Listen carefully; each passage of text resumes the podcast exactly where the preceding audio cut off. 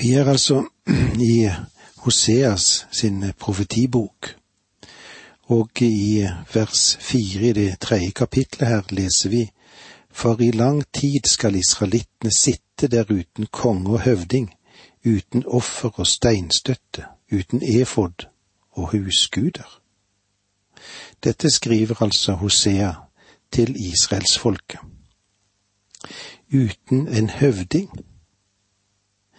de har altså ingen etterfølger som kan sette seg på tronen. Om den Herre Jesus Kristus ikke er deres Messias, så har de ingen som har emner til å gjøre det. Uten høvding, uten offer. I Lukas 21, 24 forteller at Jerusalem skal bli trådt under fot av andre folk, inntil folkeslagenes tid er forbi. Derfor påstår mange at vi må være ved endetiden for folkeslagenes tid eller hedningenes tid, og fordi Israel nå har Jerusalem. Ja, har de virkelig Jerusalem i dag? En rekke av de gamle hellige stedene i Jerusalem er i andres hender, og det har blitt bygget mange slags katedraler eller basilikaer over disse stedene. Israel har ikke disse hellige stedene, og de tør ikke røre dem heller. Som en jødisk guide svarte da han fikk spørsmålet, dere har nå Jerusalem. Hvorfor går dere ikke og river ned og mer moskeen og setter opp et tempel isteden? Han svarte, hva vil du vi skal gjøre? Begynne den tredje verdenskrig? Og den vil nok bryte ut av. Det kan du være helt sikker på. Israel har ikke hånd om tempelområdet, og de har ikke noe offer i dag. Det eneste hellige sted de har er klagemuren. De er fremdeles ved klagemuren. De har ikke noe offer utenom det du og jeg har, og det er Jesus. Han døde for nærmere 2000 år siden utenfor byen sto opp fra de døde, og han sitter i dag ved Guds høyre hånd. Og så har vi den tredje tingen uten stenstøtte. Gud ga ikke Israel noe bilde eller statuer. Han hadde sagt til dem, du skal ikke lage deg noe gudebilde eller noe slags bilde av det som er oppe i himmelen eller nede på jorden eller i vannet under jorden, som det står i Jan Mosebok 20, vers 4. I stedet har han gitt dem mange andre ting, for eksempel hefoden og terafim, eller husgud. Efoden var den hellige brystduken båret av ypperstepresten. Terafim var små gjenstander som de var med seg som lykkefigurer, og som de begynte å tilbe. Gud sier her at de skal komme seg bort fra avgudsdyrkelse at de ikke ville ha noe bilder. Og det er i alle fall noe du kan si om Israel i dag. De driver ingen avgudsdyrkelse. Selv om de ikke har vendt seg til Gud, så har de i alle fall vendt seg fra avgudsdyrkelsen. Vers fem her i Hosea i kapittel tre. Siden skal israelittene vende om og søke Herren sin Gud, og David sin konge og skjelvende skal de komme til Herren og Hans gode gaver i de siste dager. Siden skal israelittene vende om. Siden betyr ikke et bestemt år. Jeg vet ikke når det vil bli, men det skal vende tilbake til landet etter Guds tidstabell. Når de vender tilbake, så skal det skje slik. De skal søke Herren sin Gud og David sin konge, og skjelvende skal de komme til Herren og hans gode gaver i de siste dager. Eller la oss lese det slik, deretter skal Israels barn vende om og søke Herren sin Gud og David sin konge. Bevende skal de søke Herren og hans gaver i de siste dager. De er i ferd med å vende tilbake til landet og eh, det er overveldende hva, det, hva som egentlig er hendt i Israel så langt. Men det er ikke den totale oppfyllelse av denne profetien. For profetien sier at når de vender tilbake, så skal de samtidig også søke Herren sin Gud. Og det har ikke virkelig skjedd i landet ennå. Noen mener som en at Israel vil bli fordrevet igjen før de igjen vender tilbake til landet og oppfyller denne profetien. Når de vender tilbake til landet, vil de også vende om til Gud. Det er mye som kan tale for at Israel ikke har vendt om til Herren. Da de feiret sitt 20-årsjubileum som folk, så var det store mottoet for feiringen.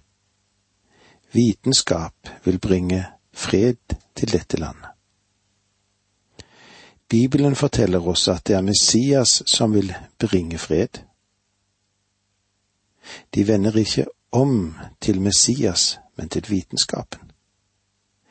De har øynene festet på velferd og hviler på økonomi. Du vet at når jeg påstår at den nåværende tilbakevending til landet ikke er fullbyrdelsen av Guds ord, så strir det mot det du ofte hører i dag. Men denne profetien er et vitnesbyrd om den sannhet, og når vi tar hensyn til hele Guds ord, og ikke bare plukker et vers her og der, så må vi stille oss ansikt til ansikt med den sannhet at den tilbakevending til Israel som foregår, er ikke en full oppfyllelse av profetien. Ja, kanskje dette er å si det for mildt, da, kanskje. Skjelvende skal de komme til Herren og Hans gode gaver i de siste dager. De siste dager ligger ennå i fremtiden. De henviser til Israel og til den tid som begynner med den store trengselen og varer til og med Kristi annet komme og tusenårsriket.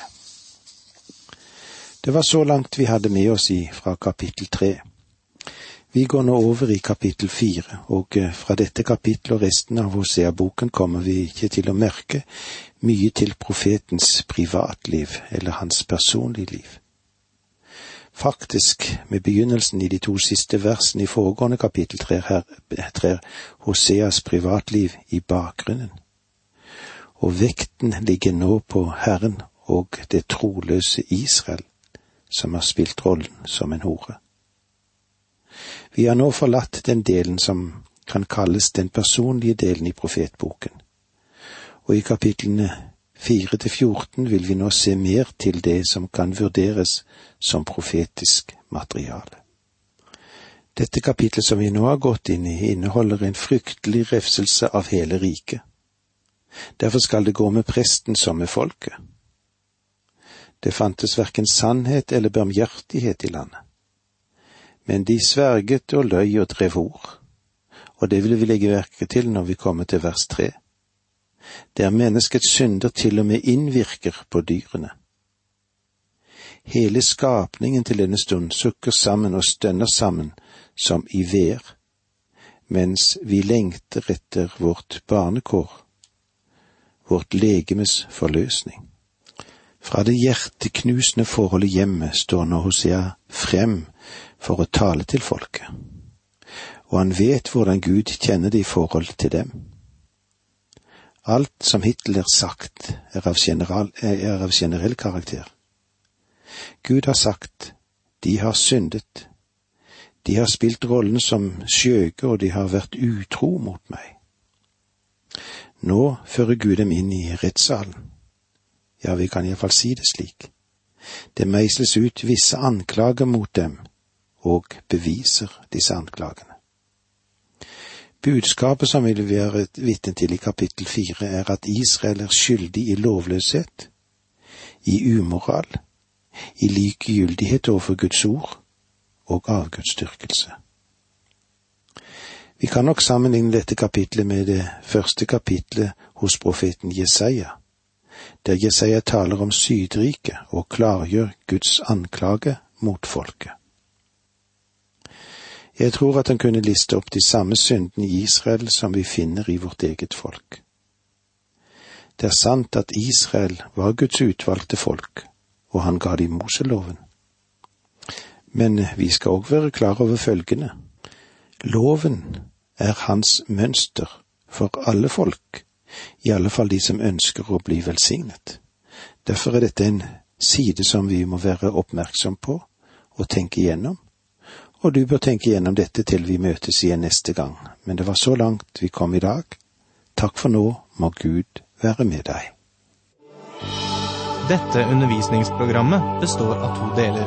Åge Nevland fortsetter nå med andre del av dagens undervisning. Vi er i profeten Hosea og kommer til kapittel fire. Og her kan vi vel sette opp som overskrift Israel er skyldig for Gud. Israel er skyldig for Gud. I vers 1 leser vi Hør Herrens ord, dere Israels sønner. Herren har sak med dem som bor i landet. For det er ingen sannhet og troskap og ingen gudskjennskap i folket. Her er det nokså viktig å huske òg hva Gud sa til sitt utvalgte folk da han ga dem Moseloven. Loven som er et mønster for alle, både folk og land. Og vi må være oppmerksom på den loven som ble gitt til israelsfolket, kan òg være nødvendig for oss å tenke igjennom som folk i vår nasjon. Gud, han dømte Israel at eh, de unngikk Moseloven og sendte de landflyktighet. Kanskje vi skulle ha noe av den samme lyskasteren hen imot oss som folk. Det er ikke sikkert det er så mange som vil være enig i dette, og eh, de vil kanskje si som så, vi er jo ikke avgudsdyrkere. Nei, det er så. Men hva med begjær, da, er det avguderi? Vi tilhører de folk i verden som mest tilber den allmektige krone, og ikke den allmektige Gud. Kanskje vi kan lese Hosea-boken og peke nese til Israel og si, det er en skam hvordan de vendte seg fra Gud. Men vi kan bare se oss rundt litt og undre oss om det ikke er noe av det samme som er sant om oss også. I det første vers i dette kapitlet så konfronterer Herren Israel med det faktum at de ikke har noen kunnskap om ham. Hør Herrens ord, dere Israels barn, for Herren har sak med dem som bor i landet, fordi det ingen sannhet og ingen kjærlighet og ingen gudskunnskap finnes i landet. Han sier oss tre ting her. Det er ingen barmhjertighet. Her er ingen sannhet. Her er ingen kunnskap om Gud i landet. Dette folket var blitt hjernevasket gjennom sin Guds avgudsdyrkelse. Selv om Gud hadde formant dem til å være barmhjertige, viste de ikke lenger barmhjertighet. Du husker Herren hadde sagt til dem, slik som det står i Tredje Mosebok i det nittende kapittelet vers ti. Når du høster din vingård, skal du heller ikke sanke de truene som blir igjen, eller plukke opp de som er falt ned. Du skal la dem være til de fattige og til innflytterne. Jeg er Herren deres Gud. Med andre ord så sa han, det er slik jeg vil ta hånd om de fattige, og du skal også være med på dette. Hvorfor? Fordi jeg er Herren din Gud, og jeg er en hellig Gud. Folket hadde glemt det.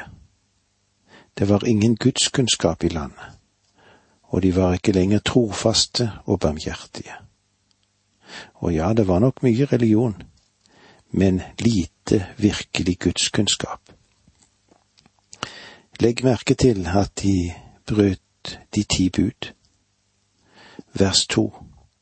Dere sverger og lyver, myrder og stjeler, bryter ekteskap og farer med vold bloddåd følger på bloddåd. Gjennom hver av disse syndene som de begikk, brøt de de ti bud. Vi kan jo lese om denne i annen Mosebok kapittel 20. Du skal ikke føre falskt vitnesbyrd. Du skal ikke slå i hæl eller drepe. Du skal ikke stjele. Du skal ikke drive hor Og alt dette de gjorde, skjedde til og med mellom slektninger. Bloddåd på bloddåd. Lytt nå litt nøye etter. Gud ga de ti bud som en del av det mosaiske system, til israelsfolket, men gjennom dem uttrykker Gud sitt vilje. Menigheten i dag er ikke underlagt de ti bud som frelsesvei eller stil for det kristne livet, men det betyr jo ikke at han kan bryte budene. Det betyr ganske enkelt at han kaller oss til en høyere livssfære og har gjort det mulig for oss å leve ved Den hellige ånds kraft. Men siden Gud uttrykker sin vilje gjennom de ti bud, så er det et mønster for lovene for ethvert folkeslag. Israel, som han valgte og stelte med, danner modell for andre folk i verden. Vi har en såkalt kristen sivilisasjon i Europa i dag. Den har aldri virkelig vært kristen, men den har tendert mot kristendommen fordi lovene hadde de ti bud som mal. Disse lovene er lover for alle folkeslag. Gud har sagt, du skal ikke drepe, du skal ikke drive hor og det er andre ting han har forsømt i Skriften. Gud har fordømt drukkenskap, og han har òg fordømt homoseksualitet. Han bruker det sterkeste språk når han taler om disse tingene. Gud sier at hvis et folk synker ned i slike forhold, så vil han oppgi dem. Gud overga Israel til fangenskap fordi de veltet seg i disse synder. Kanskje står vi i Norge i dag i den samme posisjon og situasjon. Det er lite Guds kjennskap i landet vårt.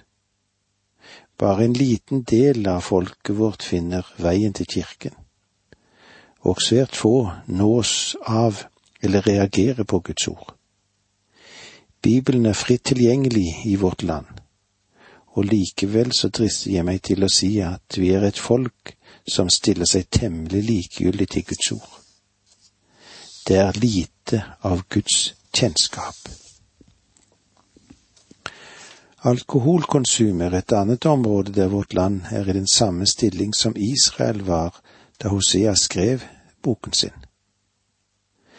Tilnærmet omgjort i kroner går det med 50 milliarder i kostninger på alkoholens alter hvert år.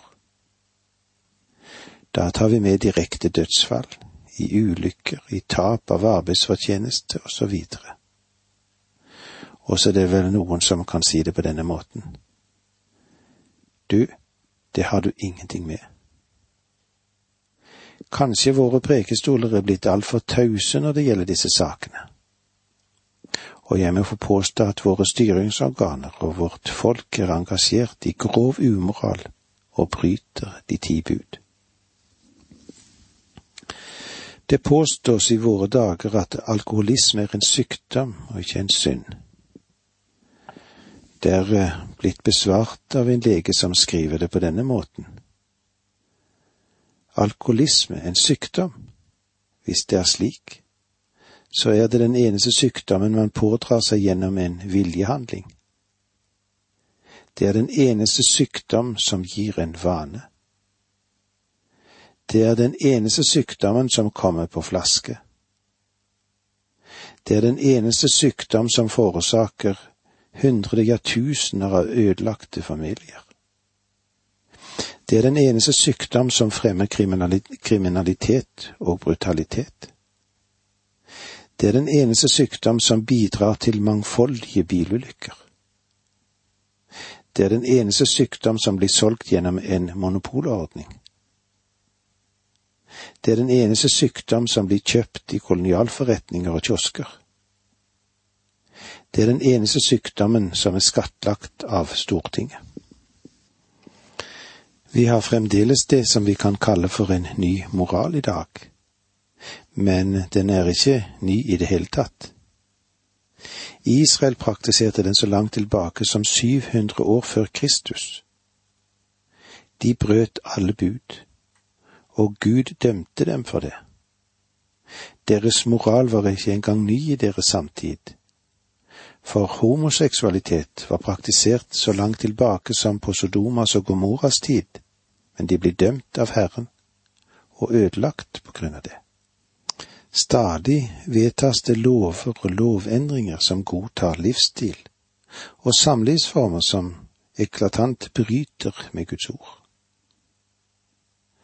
Som nasjon betraktet kan det vel tenkes at vi er like dømt som Israel var fordømt og ble sendt i fangenskap. De var jo da Guds utvalgte folk, og det er ikke vi. Selv om vi strekker fantasien aldri så mye, så kan du ikke påstå det.